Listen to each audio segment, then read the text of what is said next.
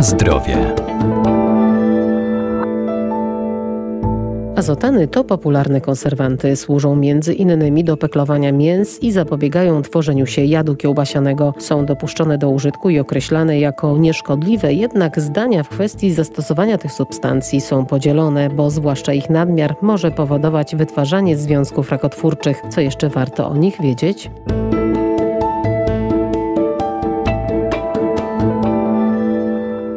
E251 pod tym symbolem kryją się azotany sodu, pod E252 azotany potasu. To dodatki stosowane w przetwórstwie mięsnym i choć są dopuszczone do użytku, to wciąż są też przedmiotem badań. Problemem w przypadku przerobu mięsa jest stosowanie substancji konserwujących. Taką substancją są azotany 3 oraz azotany 5 sodu lub potasu, które dodawane do mięsa z jednej strony działają bakteriobójczo i bakteriostatycznie, Dr Dariusz Stasiak, Wydział Nauk o Żywności i Biotechnologii Uniwersytetu Przyrodniczego w Lublinie. Z drugiej strony nadają ową barwę, którą tak sobie cenimy w wyrobach mięsnych, barwę właśnie czerwoną, różową, która jest trwała mimo obróbki cieplnej, również stabilizują utlenianie tłuszczów i innych składników występujących w mięsie. Dodatek tych azotanów jest podyktowany względami bezpieczeństwa żywności. Jeśli chodzi o azotany, to według Międzynarodowej Agencji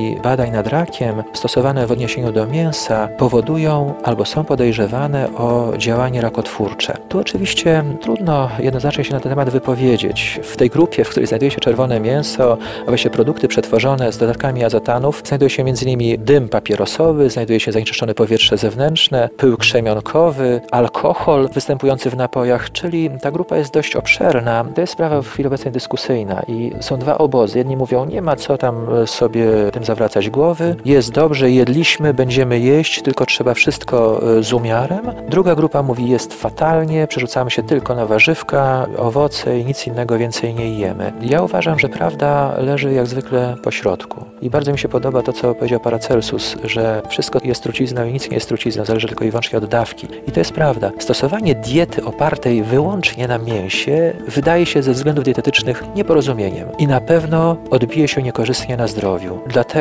Zawsze, i to jest tradycyjnie, do potraw mięsnych zawsze dodajemy owoce i warzywa. Na zdrowie. Alternatywą są przetwory mięsne konserwowane naturalną serwatką. To prozdrowotne wędliny dojrzewające z wykorzystaniem bakterii kwasu mlekowego. Jednym ze sposobów na ograniczenie zawartości azotanów i azotynów w produktach mięsnych jest stosowanie dodatku serwatki kwasowej, która powstaje naturalnie przy produkcji serów. Taka serwatka ma bardzo złożony skład chemiczny, ale co jest najważniejsze, zawiera wiele białek rozpuszczalnych w wodzie, jest kwaśna, co jest istotne ze względu na cechy mięsa. Dodatek tej serwatki powoduje, że produkty zachowują się tak jak produkty peklowane. Wykazują takie cechy jak produkty peklowane, przy czym nie stosujemy tych konserwantów, których się obawiamy, czyli azotanu 3 i 5. Serwatka zastępuje je. Po pierwsze, zapewnia stabilność oksydacyjną, czyli zapewnia trwałość produktu podczas przechowywania. Zapewnia również barwę. Może nie w takim stopniu y, jak substancje chemiczne, ale daje możliwość poprawy barwy w stosunku do wyrobów bez dodatku serwatki i bez dodatku azotynów. Ta barwa jest zbliżona do wyrobów peklowanych. Co jest istotne, zapewnia również trwałość mikrobiologiczną. Zakwaszenie produktu dzięki dodatkowi serwatki powoduje, że patogeny, drobnostroje chorobotwórcze nie rozwijają się, napotykają na niesprzyjające środowisko i tym samym nie mają możliwości życia, rozwijania się, czy to w surowcu, czy w produkcie.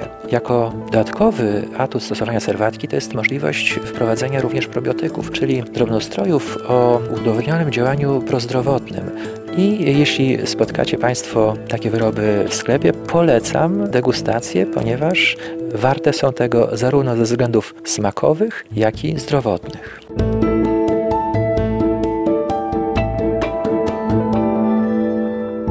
Informacje o wszystkich składnikach użytych w procesie technologicznym danego wyrobu muszą być wykazane w ich składzie podanym na etykiecie. W przypadku wędlin sprzedawanych luzem takie dane znajdują się na opakowaniu zbiorczym. Udostępni nam je sprzedawca.